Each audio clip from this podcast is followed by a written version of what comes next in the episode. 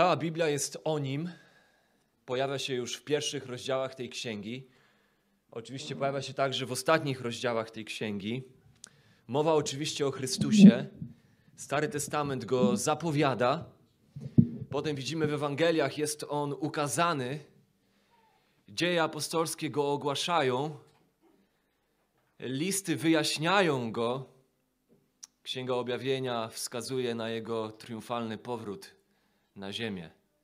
Wszystko jest o nim. On sam zresztą powiedział w Ewangelii Łukasza, kiedy spotkał się z uczniami na drodze do Emaus po swoim zmartwychwstaniu. Oni jeszcze wtedy nie poznali go. On im ukazywał, jak całe pisma, wszystkie pisma o nim mówiły. Cała Biblia więc jest o nim. W Ewangelii Mateusza w 16 rozdziale, jeżeli byśmy otworzyli ten fragment, wersety od 13 do 15, tam pojawia się to najważniejsze pytanie, z jakim musimy się zmierzyć. Każdy z nas. Bez względu na nasze zdanie na jego temat, musimy odpowiedzieć sobie na to pytanie, które tam pojawia się, skierowane do jego uczniów. Mateusza 16, od wersetu 13 do 15.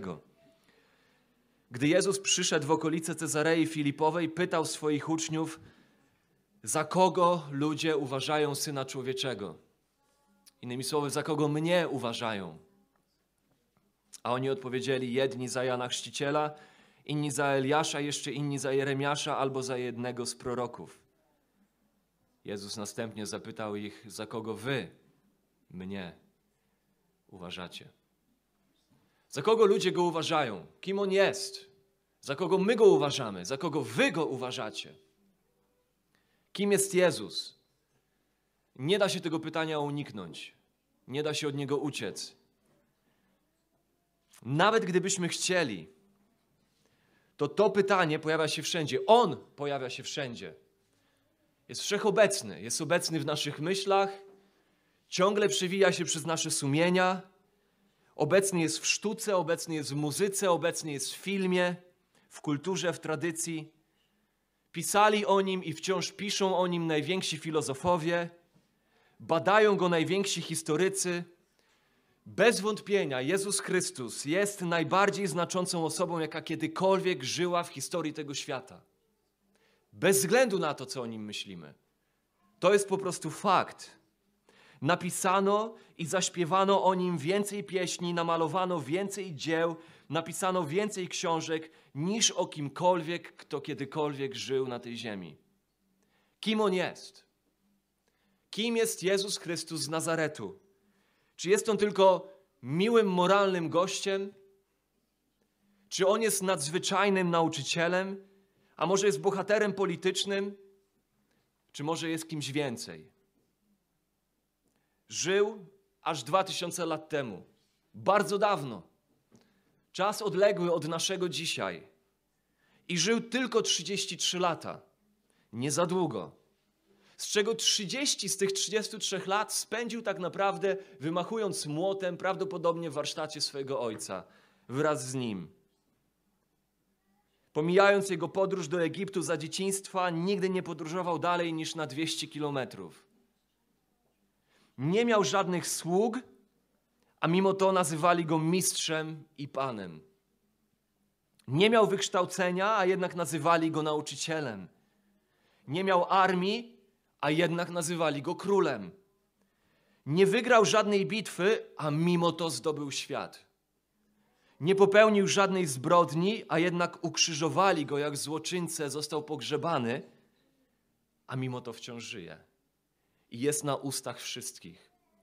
I dwa tysiące lat później cały świat wciąż o nim mówi. Oczywiście zdania na jego temat są podzielone. Niektórzy mówią, że jest mitem, jest wymysłem religijnych ludzi dla zysku i manipulowania prostymi ludźmi? Czyżby? Czy na pewno? Inni mówią, że był szaleńcem. Czy tak? Czy był szaleńcem? Jeszcze inni mówią, że był rewolucjonistą, który chciał przeprowadzić reformy polityczne. Czy był rewolucjonistą politycznym, reformatorem? Jeżeli mamy na myśli to, że radykalnie zmienił życie wielu ludzi, z którymi się ścierał, to tak, był reformatorem, był reformatorem serc, dusz, żyć ludzkich. Ale wiemy, że nigdy nie poprowadził żadnego protestu, a tym bardziej żadnej rewolucji przeciwko władzy. I oczywiście byli wtedy i znaleźliby się dziś i tacy, którzy wprost oskarżali Jezusa, że po prostu jest złoczyńcą, że jest złym człowiekiem, że jest kłamcą i złoczyńcą. Kim był Jezus? Kim jest Jezus z Nazaretu? Nie możemy od tego pytania uciec i nie możemy go zignorować. Za kogo wy mnie uważacie? zapytał Jezus swoich uczniów. Odpowiedział Szymon Piotr, czytamy dalej Mateusza 16, wersety 16 do 17. Ty jesteś Mesjasz, syn Boga żywego. Na to Jezus mu rzekł: Błogosławiony jesteś, Szymonie, synu Jony, albowiem nie objawiły ci tego ciało i krew, lecz Ojciec mój, który jest w niebie. Ty jesteś Chrystus, Mesjasz, syn Boga żywego. Piotrze, dobrze powiedziałeś. To, co ty zrozumiałeś na mój temat, nawet nie pochodzi od samego ciebie, ale pochodzi od tego wyznania niebiańskiego, które jest prawdziwe na temat tego, kim ty jesteś, które właściwie ci identyfikuje. Ty określiłeś mnie teraz tym, czym określa mnie samo niebo. To pochodzi od mojego Ojca. Ja jestem Mesjaszem, ja jestem synem Boga żywego. Relacje historyczne na temat Chrystusa nie pozostawiają nam żadnych opcji, by przejść obok Niego obojętnie. Nie jest to postać, wobec której można pozostać neutralnym, z którą można się zmierzyć, być skonfrontowanym i powiedzieć: No, mnie aż tak bardzo to nie interesuje, ja nie muszę się określać. Dlatego, że on nie stoi w jednym z szeregu, w jednym szeregu z Buddą, z Mahometem, z Hari Krishną, z Józefem Smithem. On jest kompletnie ponad nimi. On uczynił stwierdzenia tak radykalne, które nie pozostawiają nam opcji na neutralność. Kim jest Jezus? Świadectwa historyczne na, jego, na temat Jego osoby rysują nam bardzo wyraźną granicę. Są bardzo nietolerancyjne. Są tak radykalne, że zmuszają każdego, kto z Nim zostanie skonfrontowany – kto stanie, zmierzy się z pytaniem, kim jest Jezus Chrystus z Nazaretu, musi się opowiedzieć albo za nim, albo przeciwko niemu. Nie ma strefy szarej, nie ma strefy neutralnej.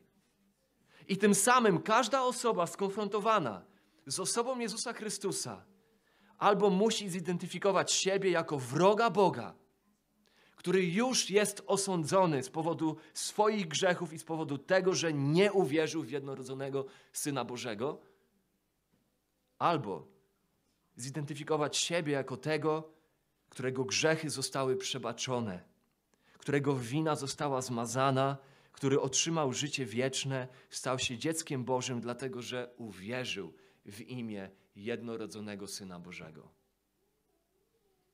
Warto tutaj przywołać jeszcze raz już te sławetne słowa C.S. Lewisa, które przywoływałem kilkukrotnie, nawet na przestrzeni ostatnich tygodni z książki Chrześcijaństwo po prostu. Posłuchajmy. Postaram się teraz zapobiec mówieniu przez kogokolwiek prawdziwie bzdurnej rzeczy, którą często ludzie mówią o Jezusie. A mianowicie, jestem gotów uznać Jezusa za wielkiego nauczyciela moralności, lecz nie mogę przyjąć twierdzenia, że jest Bogiem. Jest to taka rzecz, mówi Louis, której powiedzieć nie możemy. Człowiek, który byłby tylko człowiekiem i mówiłby tego rodzaju rzeczy, jakie mówił Jezus, nie byłby wielkim nauczycielem moralności. Byłby albo obłąkanym na równi z człowiekiem, który by twierdził o sobie, że jest sadzonym jajkiem, lub też byłby z piekła rodem. Musisz dokonać wyboru. Albo ten człowiek był i jest synem Bożym, lub też jest obłąkanym, czy też kimś jeszcze gorszym. Możesz go uciszać jako obłąkanego, możesz pluć na niego i zabić go jako diabła. Albo też możesz upaść mu do nóg i nazwać go Panem i Bogiem. Lecz nie mówmy protekcjonalnie głupstw o tym, że był on wielkim człowiekiem, nauczycielem. On nie pozostawił nam takiej możliwości myślenia o sobie. Nie było to jego zamiarem. Kim więc jest Jezus? Za kogo mnie uważacie? Nie, nie będziemy dochodzić prawdziwości Jego istnienia, historyczności Jego istnienia. Mogliśmy poświęcić na to bardzo wiele czasu. Wystarczy powiedzieć, że każdy poważny historyk, nawet świecki, dobrze wie, że Jezus jest autentyczną postacią historyczną. Jego istnienie jest doskonale udokumentowane. Poza świadectwami Pisma Świętego, poza świadectwami Nowego Testamentu, pisali o nim choćby rzymscy historycy, tacy jak Tacyt, Swetoniusz, czy też kronikarze żydowscy jak Józef Flawiusz, który napisał o Jezusie takie słowa.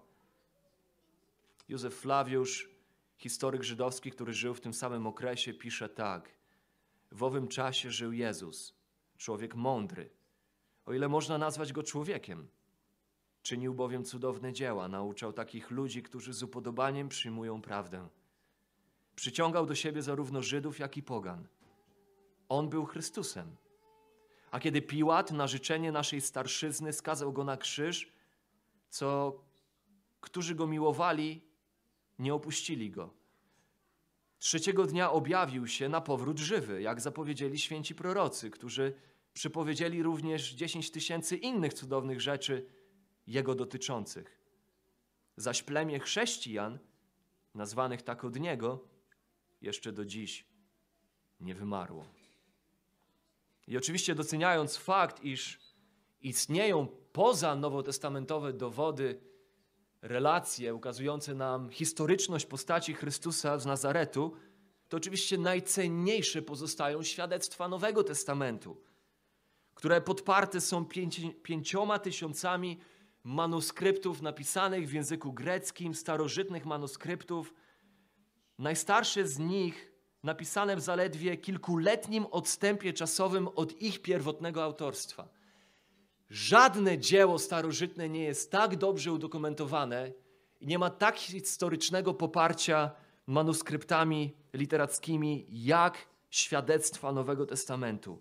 Nie ma drugiej postaci starożytnej tak dobrze udokumentowanej jak postać Jezusa Chrystusa z Nazaretu. Nikt dziś więc nie wątpi w to, nikt, kto jest rzetelnym historykiem, nie wątpi w to, że Jezus Chrystus był prawdziwie człowiekiem, który chodził po tej ziemi. Oczywiście nikt nie wątpi w to, że Chrystus był człowiekiem w ogóle. Pismo też to potwierdza. Chrystus był człowiekiem, był prawdziwie człowiekiem. Nie był jakimś fantomem, nie był jakimś duchem, ale był człowiekiem z ciała, krwi i kości. Wiemy, że bywał głodny, bywał spragniony, bywał zmęczony. Wiedział, co to znaczy pracować w pocie czoła, budować przyjaźnie, płakać nad grobem umiłowanego przyjaciela. Wiemy, że doświadczał ludzkich przeżyć, ludzkich emocji, ludzkich pokus. Czytamy w Bożym Słowie Hebrajczyków 4:15 doświadczony we wszystkim za wyjątkiem grzechu. Nie ma takiej pokusy, której by Chrystus nie poznał, a mimo to nie ma takiej pokusy, której Chrystus by uległ. Nie ma takiej próby, której Chrystus by nie przeszedł, której by nie znał, a mimo to nie ma takiej próby, której Chrystus by się poddał, uległ, pod ciężarem której by upadł. Sam zresztą pewnego razu, stojąc przed swoimi oskarżycielami, przywódcami religijnymi jego czasów, faryzeuszami, którzy chcieli go zniszczyć, nienawidzili go, sam rzucił im publicznie takie wyzwanie. Ewangelia Jana 8:46. Kto z was udowodni mi grzech? Byłyby to słowa szaleńca, gdyby były wypowiedziane przez któregokolwiek z nas publicznie. Kto z Was udowodni mi grzech? Gdyby te słowa wypłynęły z ust jakiegokolwiek innego człowieka, byłby on szaleńcem, ponieważ od razu wykazano by nam naszą winę. Jednak w przypadku Jezusa nie były to słowa szaleńca. On mógł rzucić im takie wyzwanie, a oni byli jedynie w stanie milczeć. Nie mieli nic, czym mogliby go oskarżyć. Jak pisze Piotr, zaiste 1 Piotra 2,22, on grzechu nie popełnił, ani nie znaleziono zdrady w ustach jego. I musimy zdać sobie sprawę, że przeciwnicy Jezusa, pragnący Jego śmierci, dążący do tego, by Go unicestwić, zamordować, mieli wobec Niego zarzuty, oczywiście, ale mieli wobec Niego tylko trzy zarzuty, pomijając te, które były wprost zmyślone przez nich, jak na przykład oskarżenie Go o to, że On chce zniszczyć świątynię jerozolimską. No to był zmyślony, przekręcony zarzut. On nigdy tego nie powiedział, że On zamierza zniszczyć świątynię jerozolimską albo jak oskarżenie, że on służy demonom. To też było zmyślone oskarżenie. Natomiast jeżeli chodzi o prawdziwe oskarżenia, którymi jego przeciwnicy oskarżali go, to były one tak naprawdę tylko trzy. I były to takie oskarżenia. Pierwsze, że łamał sabat, uzdrawiając na przykład w sabat chorego, czy też pozwalając uczniom spożywać kłosy, kiedy byli głodni. Oskarżali go o to, że on łamie sabat i nie rozumieli tego, że on im tłumaczył: Ja jestem Panem Sabatu. Ja jestem tym, który jest ponad Sabatem. Ja jestem Jego Panem. Ja jestem tym, który Sabat ustanowił. A oni tego nie rozumieli, więc oskarżali go o łamanie Sabatu. Oskarżali go za to, że przebywał z grzesznikami, co im okrutnie działało na nerwy. Uważał się za bardzo ważnego i oni nie rozumieli, dlaczego ten, który twierdzi, że jest tak ważny, nie poświęca czasu im, którzy myśleli o sobie, że są tak ważni. No przecież to byłoby naturalne, że VIP spędza czas z innymi VIPami, a on idzie spędzać czas z grzesznikami. I to działało im niezwykle, okrutnie na nerwy. Godziło to w ich pychę, w ich wysokie mniemanie o sobie samych i oskarżali go o to, że przebywał z grzesznikami. I po trzecie, oskarżali go o to, że uważał siebie za Boga. I to były te trzy oskarżenia, które mieli na jego temat. Tego, który rzucił im wyzwanie, kto z was może wykazać mi jakikolwiek grzech? Mogli ograniczyć się tylko do tych trzech rzeczy. Że uważał siebie za Boga. I faktycznie tak było. Za takiego siebie uważał. To było słuszne oskarżenie. Jana 5:18, dlatego też Żydzi tym usilniej starali się o to, aby go zabić, bo nie tylko łamał sabat, lecz także Boga nazywał własnym ojcem i siebie samego czynił równym Bogu. I słusznie go oskarżali, ponieważ on za takiego siebie uważał. Oni doskonale rozumieli, za kogo podawał się Jezus. Nie był on jedynie nadzwyczaj dobrym nauczycielem, nie był on jakimś super człowiekiem, nie był on jakimś super bohaterem starożytnej edycji Marvela, nie był on nadrzędnym aniołem, aniołem nad aniołami, najwyższym bytem duchowym, nie był on jakimś mniejszym Bogiem, jak mówią świadkowie Jehowy, Bogiem z małej litery, on twierdził, że jest wyjątkowym, wcielonym w ludzkie ciało, odwiecznym, równym Bogu Ojcu, Synem Bożym, jednorodzonym Synem Bożym, Bogiem w ludzkim ciele, odwiecznie równym Bogu, istniejącym w wieczności wraz z Nim. Twierdził, że istniał od zawsze. Zanim jeszcze powstał początek, On już był.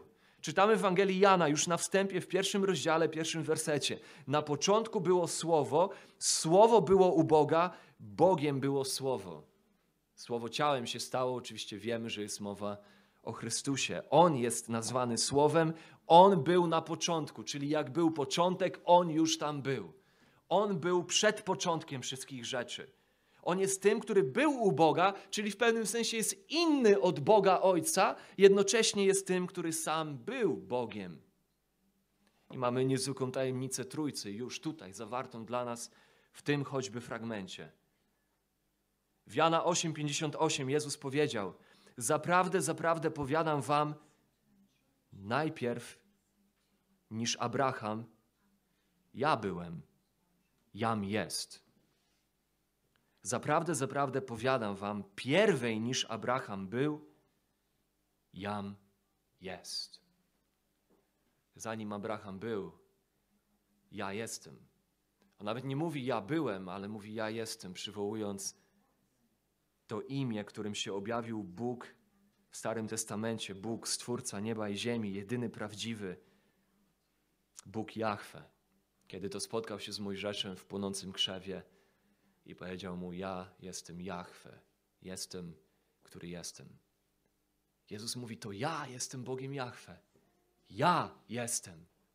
Ja jestem. Nic dziwnego, że się rozwścieczyli, chwycili za kamienie, by go ukamienować. Nic dziwnego, że chcieli go zabić i w końcu go zabili. On deklarował: Ja jestem Bogiem. Czy był? Czy był Bogiem tak, jak twierdził? Kim jest Jezus Chrystus z Nazaretu? Za kogo mnie uważacie? W liście do Kolosan czytamy te niesłychane słowa.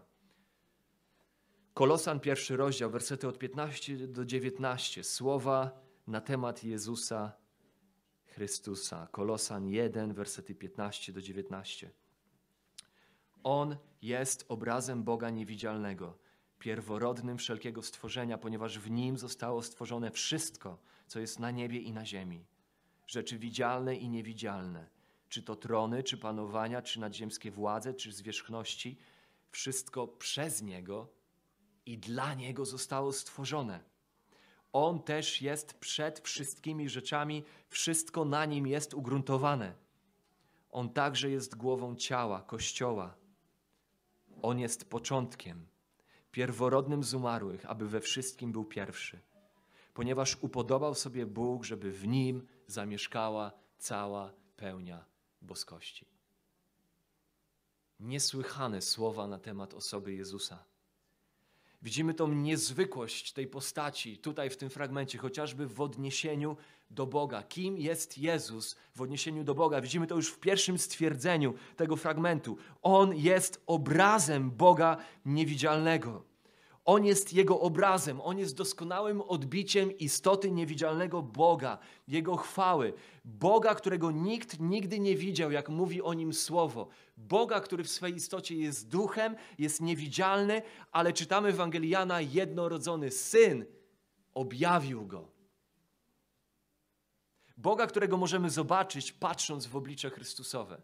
Oczywiście nie dosłownie, nie w to oblicze rysowane dla nas, szkicowane dla nas przez różnych artystów, którzy próbują dać nam obraz tego, jak wyglądał Jezus, niestety bardzo często bardzo taki miękki, zniewieściały, nie wiadomo czemu. Nie taki obraz, ale obraz tego, kim On był w swoim charakterze, w swej istocie, w swoich atrybutach. On jest obrazem, odbiciem istoty Bożej, Jego chwały. Patrząc na Niego poznajemy to, kim jest Bóg.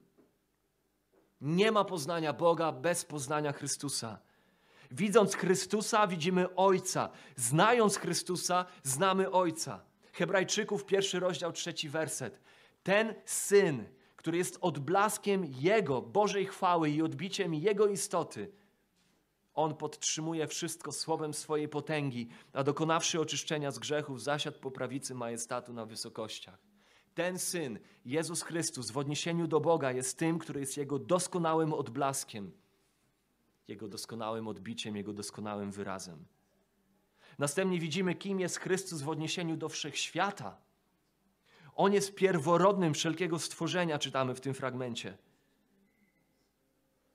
Protokos, pierworodny.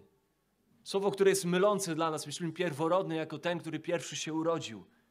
Jednak greckie słowo protokos odnosi się do rangi, a nie do czasu narodzenia. Protokos w Grece pierworodny to nie jest ten, który pierwszy się rodzi, ale to jest ten, który jest pierwszy w kolejności, w ważności, który stoi pierwszy w szeregu, ten, który jest najwyższy i najważniejszy. On jest protokos. On jest tym, który jest najważniejszy spośród wszelkiego stworzenia. On jest ponad wszechświatem, stoi ponad nim. Psalm 89, werset 27 doskonale wyjaśnia, co Słowo Boże ma na myśli, nazywając Chrystusa pierworodnym. Psalm 89, werset 27. Ja zaś uczynię go pierworodnym, najwyższym wśród królów ziemi. To jest znaczenie tego, że Biblia nazywa go pierworodnym. Pierworodny to jest ten, którego Bóg czyni najwyższym wśród królów ziemi. To jest ten, który stoi na pierwszym miejscu ponad całym wszechświatem. Lecz nie tylko jest najwyższy, pierwszy we wszechświecie, ale czytamy, jest jego stwórcą. W odniesieniu do wszechświata on jest tym, który wszechświat tworzy. Wszystko, co powstało, pisze Paweł, przez niego powstało. I nawet dla niego powstało. Wszystko na nim jest ugruntowane. Jakie niezwykłe stwierdzenie. Hebrajczyków 1:3 mówi o tym samym, innymi słowy, podtrzymuje wszystko mocą swego słowa. To jest ten, który sprawia, że dzisiaj atomy, które tworzą ten świat, nie rozszczepiają się. Że Ziemia wciąż się kręci, jest na swoim miejscu. I kiedy zastanowimy się nad tym, jak Ziemia jest podtrzymywana, to jest to powalające.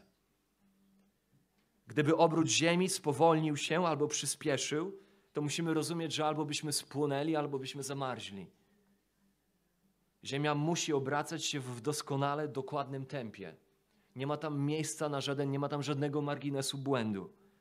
Dokładnie to samo by się stało, gdyby Słońce, które jest w pewnym sensie źródłem życia tej Ziemi, zmieniło swoją temperaturę tylko o kilka stopni. Ziemia jest także pochylona pod doskonałym kątem 23,5 stopni. To właśnie to pochylenie, to bardzo precyzyjne, dokładne pochylenie Ziemi jest tym, co pozwala nam mieć cztery pory roku. Gdyby tak nie było, to opary z oceanów przesuwałyby się z północy na południe, sprawiając, że kontynenty byłyby pokryte lodem, zamarzałyby. Gdyby księżyc nie znajdował się w tak doskonałej odległości, w jakiej się znajduje, to fale naszych oceanów zatopiłyby nas. Co sprawia, że to wszystko jest na swoim miejscu, że jest podtrzymywane we właściwy sposób, na właściwym miejscu? Paweł odpowiada: Jezus Chrystus, Syn Boży, ten, który jest odbiciem niewidzialnej istoty Boga, On jest tym, który podtrzymuje cały świat mocą swojego słowa. Jezus Chrystus, zobaczmy, kim jest w odniesieniu do świata niewidzialnego. Paweł pisze rzeczy widzialne i niewidzialne, czy to trony, czy panowania, czy nadziemskie władze, czy zwierzchności. Wszystko przez Niego i dla Niego zostało stworzone. On jest przed wszystkimi rzeczami. Niewidzialne moce, zastępy niebieskie, anielskie, sfera duchowa, anioły i demony. On jest ponad nimi wszystkimi. On jest ponad światem widzialnym i ponad światem niewidzialnym. Jakąkolwiek moc byśmy nie wymienili w tym, w tym świecie, widzialną czy niewidzialną, On jest ponad tym. Hebrajczyków 1:7 o aniołach mówi, aniołów swych czyni on wichrami, a sługi swoje płomieniami ognia. On jest Panem wszelkich bytów anielskich i duchowych. On je stwarza, On im rozkazuje, On jest władcą i królem rzeczy widzialnych i niewidzialnych. W Efezjan 1:27 czytamy, że wszelka władza, zwierzchność i moc i trony i panowania są pod Jego stopami. Także to wszystko, co dzisiaj byśmy nazwali zwierzchnością, władzą, panowaniem, jest wciąż pod Jego stopami. I dalej widzimy, kim jest ta postać, kim jest Chrystus w odniesieniu do Kościoła.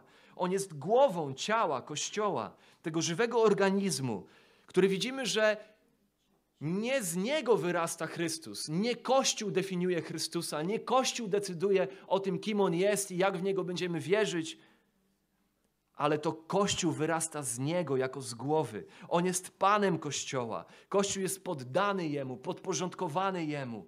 On jest Jego Panem, On jest Jego głową. On jest źródłem życia tego Kościoła. On jest początkiem Kościoła. Na Nim Kościół jest ugruntowany. On jest najwyższy, aby we wszystkim był pierwszy. I widzimy na koniec, kim jest ta postać w odniesieniu do czegokolwiek, czego byśmy sobie nie wymyślili ponieważ w ostatnim wersecie, w wersecie 19, Paweł wszystko sumuje w całość i mówi: W nim zamieszkała cała pełnia boskości. Innymi słowy, cokolwiek jeszcze by nie przyszło nam na myśl, co jest potężne, co jest wielkie, co jest ważne, co jest wartościowe w świecie stworzonym, widzialnym i niewidzialnym, on jest ponad tym, ponieważ to w nim zamieszkała cała pełnia boskości. Nie ma tam żadnego braku, nie ma tam żadnego ubytku. On jest Chrystusem, Synem Bożym, jest ponad wszystkim i ponad wszystkimi rzeczami. On jest ponad chemią. On w odniesieniu do chemii zamienił wodę w wino. On jest ponad biologią. W odniesieniu do biologii urodził się bez naturalnego poczęcia. W odniesieniu do fizyki on złamał prawa fizyki, gdy został uniesiony do nieba. W odniesieniu do ekonomii on złamał prawo malejącego zwrotu, gdy nakarmił pięć tysięcy ludzi na wzgórzach Izraela dwiema rybami i pięcioma chlebami. On jest ponad wszystkimi rzeczami w odniesieniu do medycyny, gdy uzdrawiał chorych, niewidomym przywracał wzrok bez podawania im żadnych leków, tylko na, na Jego słowo. On jest ponad wszystkimi rzeczami w odniesieniu do historii, jest początkiem i końcem. On jest ponad wszystkimi rzeczami w odniesieniu do władzy. On jest Panem Panów, Królem Królów, jest wspaniałym doradcą. On jest księciem pokoju. On jest ponad wszelką religią. Powiedział, że nikt nie przychodzi do Ojca, nikt nie poznaje Boga, nikt nie przychodzi do Boga jak tylko przez Niego. Jest stworzycielem nieba i ziemi, Bogiem, który przyszedł do nas w ludzkim ciele, by być zbawicielem grzeszników. Za kogo mnie uważacie? Zapytał Jezus. Innym sposobem na ukazanie boskości Chrystusa jest spojrzenie na pięć aspektów, które tę boskość ukazują. Warto tutaj się skupić, notować sobie te rzeczy, dlatego że wielokrotnie, gdybyście mieli mieć okazję rozmawiać z kimś na temat tego, czy Chrystus kiedykolwiek twierdził, że jest Bogiem, czy Nowy Testament w ogóle ukazuje go jako Boga, otóż ukazuje go bardzo wyraźnie, bardzo klarownie, bardzo definitywnie. Więc można to ukazać na podstawie pięciu aspektów, które tę boskość ukazują. Warto więc o tym pamiętać, warto to mieć w arsenale swoich zasobów apologetycznych, obrony wiary, obrony tego, w co wierzymy na temat tego, kim jest Jezus. Pięć aspektów, które tę boskość ukazują. Są to takie aspekty. Aspekt adoracji, która należy się Jezusowi, wskazuje na Jego boskość. Aspekt Jego atrybutów, czyli Jego cech, On ma cechy boskości. Aspekt Jego imion, czy też tytułów, On nosi imiona i tytuły należne Bogu. Aspekt Jego czynów, On dokonuje dzieł, które są dziełami boskimi. I aspekt Jego tronu, On zasiada na boskim tronie czy też aspekt jego pozycji inaczej. Adoracja. Nie będziemy długo się rozwodzić nad tym, mogliśmy tu poświęcić każdą niedzielę, każdemu z tych tematów, ale bardzo krótko. Jezus ukazany jest jako ten, któremu należy się ta sama cześć, która należy się Bogu. Jana 5:23 chociażby, aby wszyscy czcili syna tak, jak czczą ojca. Kto nie czci syna, ten nie czci ojca, który go posłał. Synowi należy się ta sama cześć, co Bogu Ojcu. Mówi nam ten fragment, mówi nam Jezus. On ma być obiektem czci i uwielbienia, tak jak rozumiane było to przez monoteistycznych Żydów, że obiektem czci i uwielbienia ma być jedynie Bóg.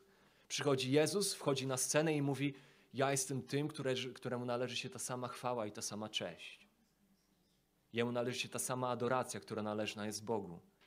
Atrybuty. Jezus ukazany jest jako ten, który ma te same cechy co Bóg. Temat oczywiście bardziej złożony, dlatego że Jezus wciąż pozostaje prawdziwie człowiekiem w swoim ziemskim życiu i jego boskie cechy przeplatają się z jego człowieczeństwem, a mimo to bardzo wyraźnie wyłania się, przebija się z jego życia, z jego istoty boskość. Jana 14:9 odpowiedział mu Jezus: Tak długo jestem z wami i nie poznałeś mnie, Filipie. Kto mnie widział, widział Ojca. Jak możesz mówić, pokaż nam Ojca? Jezus wskazuje Filipowi, że widziałeś mnie, widzisz mnie, znasz mnie. Patrząc na mnie, widzisz cechy, które ma Ojciec. Znając mnie, znasz Ojca. Jezus jako prawdziwie Bóg ma te same atrybuty co Bóg. Jest doskonale święty. Nie można mu zarzucić żadnego grzechu, mówiliśmy o tym. Przepraszam. Jest doskonale dobry, jest doskonale miłujący, jest wieczny, jest niestworzony, jest niezmienny. On nosi imiona boskie. Jezus ukazany jest jako ten, który nosi te same imiona, te same tytuły, które należą się jedynie prawdziwemu Bogu. Emanuel, Bóg z nami. On jest nazwany pierwszym i ostatnim. On jest nazwany Alfą i Omegą. On jest nazwany Synem Bożym. W Ewangelii Jana widzimy tak zwane ja jestem. Siedem razy przez Ewangelię Jana przewija się to stwierdzenie ja jestem. Za każdym razem każde to stwierdzenie jest radykalnym stwierdzeniem na temat Jego boskości, wracające do wydarzeń Starego Testamentu i ukazujące, jak tego, którego rozumieli, że jest Bogiem Jahwe, Jezus staje przy nim i mówi: To ja jestem tym, którego wy znacie ze Starego Testamentu, ukazanego w tych rzeczach, o których wam mówię, to ja nim jestem. Dziękuję bardzo. I tak warto przywołać Ewangelię Jana, 8 rozdział, wersety 12 i 20. Jeden tylko z przykładów tego stwierdzenia: Ja jestem. Tam widzimy w świątyni Jezus staje pośród ludu. Musimy rozumieć, że w świątyni stały dwie olbrzymie kandelabry, takie pochodnie, świeczniki. Rozpalano je w święto szałasów wieczorami. Ogromne one były, dawały mnóstwo światła, rozświetlały niebo nad Jerozolimą. Ludzie wtedy tańczyli z wielką radością, wspominając obecność Boga w chmurze, w obłoku, o którym czytamy w Starym Testamencie, gdy Izrael szedł przez pustynię. Kiedy to Bóg, Jahwe, prowadził w cudowny, nadprzyrodzony sposób swój lud przez pustynię, w obłoku, w tej chmurze. Oni właśnie te wydarzenia wspominali. Wspominali Boży majestat, Bożą dobroć i Bożą wierność nad nimi. Musimy zrozumieć, że kiedy Jezus staje tam właśnie, w świątyni, kiedy te kandelabry Stoją tam, ludzie je widzą i one są rozpalane wieczorami, ponieważ mam miejsce, właśnie to święto. Jezus mówi: Ja jestem światłością świata. Oni doskonale rozumieli, co to stwierdzenie oznacza. On mówił: To ja jestem Bogiem Jahwe, którego to wy rozumiecie, że On jest światłością świata, to ja nim jestem. On nazwany jest dobrym pasterzem. On mówi: Ja jestem dobrym pasterzem. Ten, którego rozumieli Żydzi doskonale, że to Jahwe jest dobrym pasterzem. Więc on jest tym, który nosi boskie imiona, no i oczywiście nazwany Panem, Kurios z greckiego, Jahwe, obdarzony imieniem ponad wszelkie imię, jak pisze Paweł, aby zgięło się przed nim każde kolano i każdy język wyznawał, że Jezus jest Kurios, że jest Panem. Jego czyny jego czyny wskazują na Jego boskość. Jezus dokonuje tych samych dzieł, jakie dokonać może tylko Bóg. Spojrzeliśmy już na to. On jest tym, który włada nad prawami chemii, zmieniając wodę wino. Panuje nad siłami natury, ucisza fale i wiatr. Tworzy coś z niczego, karmiąc pięć tysięcy ludzi, uzdrawia chorych, przywraca wzrok ślepym, wzbudza zmartwych, przebacza grzechy. On jest tym, który jest stwórcą wszechświata, on podtrzymuje wszechświat. On jest tym, który posyła Ducha Świętego, on jest tym, który rozdaje dary Ducha Świętego swojemu Kościołowi. On jest tym, który daje życie wieczne komu tylko zechce. I na koniec widzimy jego tron wskazujący na jego boskość. Jezus zasiada na tronie Bożym. Nie jest kimś mniejszym, nie jest mniejszą istotą, ale on zasiada na tronie Bożym. Czytamy Efezjan 1, 20 do 23. Bóg Jezusa posadził po prawicy swojej w niebie ponad wszelką nadziemską władzą i zwierzchnością i mocą i panowaniem i wszelkim imieniem, jakie może być wymienione nie tylko w tym wieku, ale i w przyszłym. I wszystko poddał pod nogi Jego, a Jego samego ustanowił ponad wszystkim głową Kościoła, który jest ciałem Jego, pełnią tego, który sam wszystko we wszystkim wypełnia. I On nie tylko zasiada na tronie Boga, ale tron Boga jest Jego tronem. Księga Objawienia, 22 rozdział, wersety 1 i 3. Tron Boga jest tronem baranka. To jest ten sam tron. On jest ustanowionym sędzią żywych i umarłych, jak pisze nam Łukasz w dziejach apostolskich w 17 rozdziale. Nie ma żadnych wątpliwości. Jezus uważał siebie za Boga ukazany jest jako Bóg w ludzkim ciele. Jezus jest Bogiem. Jedyne dwie inne możliwości, jedyne dwie inne możliwe opcje dla nas to to, że albo był szaleńcem, albo był szarlatanem. Nie ma wielu innych opcji. Nie istnieją tak naprawdę inne opcje. Jeśli jest jednym z tych opcji, jeżeli jest albo szaleńcem, albo szarlatanem, to powinniśmy się nim brzydzić. Powinniśmy nie chcieć mieć z nim nic wspólnego, powinniśmy porzucić go jako głupca albo jako złoczyńcę i nigdy więcej nie mieć z nim nic do czynienia. Jednak przyjrzenie się świadectwom jego życia, przyjrzenie się jego czynom, jego dziełom, jego nauce, jego interakcji ze światem, który go otaczał, kiedy przyjrzymy się jego wpływowi, to to wszystko wyklucza możliwość, żeby on był szaleńcem albo szarlatanem. On musi być Bogiem. On jest Bogiem. A jeżeli jest Bogiem, to uwaga, ani ja, ani ty nie możemy być jedynie religijnymi fanami. Fanami Jezusa Chrystusa, którzy czynią z Niego jakiś fajny dodatek do naszego życia, bo mamy poczucie potrzeby religijności i Jezus będzie fajnym dodatkiem do tortu naszego życia. Jeżeli On jest Bogiem, w odniesieniu do Boga jest doskonałym odbiciem Jego chwały. W odniesieniu do wszechświata jest ponad nim, jest najwyższy i najważniejszy spośród rzeczy widzialnych i niewidzialnych.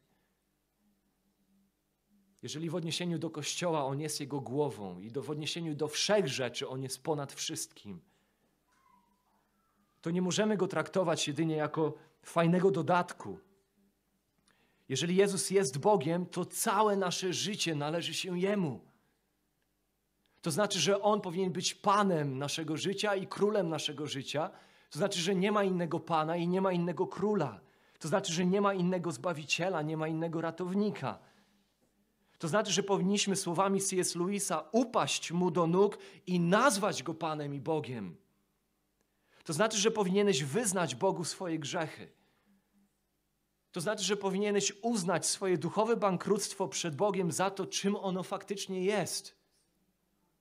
Stanąć przed Bogiem jako przed świętym Bogiem, złożyć przed Nim swoją grzeszność i chwycić się Jezusa jako Zbawiciela i Pana, która jest, który jest doskonałym Zbawicielem, bo żył doskonałym życiem i złożył doskonałą ofiarę i został wzbudzony z martwych i żyje na wieki, by wstawiać się za tych, którzy są Jego, w oparciu o to, że złożyli swoje życie na Nim i ich grzechy zostały zmyte Jego świętą krwią. On powinien być tym, któremu chcemy oddać całe swoje życie. I słuszna, jedyna słuszna rzecz, którą człowiek skonfrontowany z Jezusem powinien dzisiaj zrobić, to wołać do Boga: Boże, bądź miłościw mnie grzesznemu. Bądź miłościw mnie grzesznemu. I wtedy taki człowiek może wiedzieć, że może pójść do domu usprawiedliwiony. Dzisiaj możesz pójść do domu usprawiedliwiony. Jak ten grzesznik, który właśnie stanął w świątyni i nie śmiał oczu wznieść ku górze, stał z tyłu z pochyloną głową, bijąc się w pierś, wołał: Bądź miłościw mnie grzesznemu. Jestem wielkim grzesznikiem, ale dziękuję Ci, że w Chrystusie mam wielkiego Zbawiciela. Jest wiele grzechu we mnie, ale dziękuję Ci za to, że w Chrystusie jest jeszcze więcej łaski. I wiedz, że możesz pójść do domu dzisiaj usprawiedliwiony, z grzechami przebaczonymi, jako ten, który jest zbawiony, uratowany, z nowym sercem, z nowym życiem, z sercem, które jest zamienione z serca kamiennego na serce mięsiste. Za kogo wy mnie uważacie? Zapytał Jezus. Najważniejsze pytanie, na które każdy z nas musi sobie odpowiedzieć i odpowiadać na co dzień.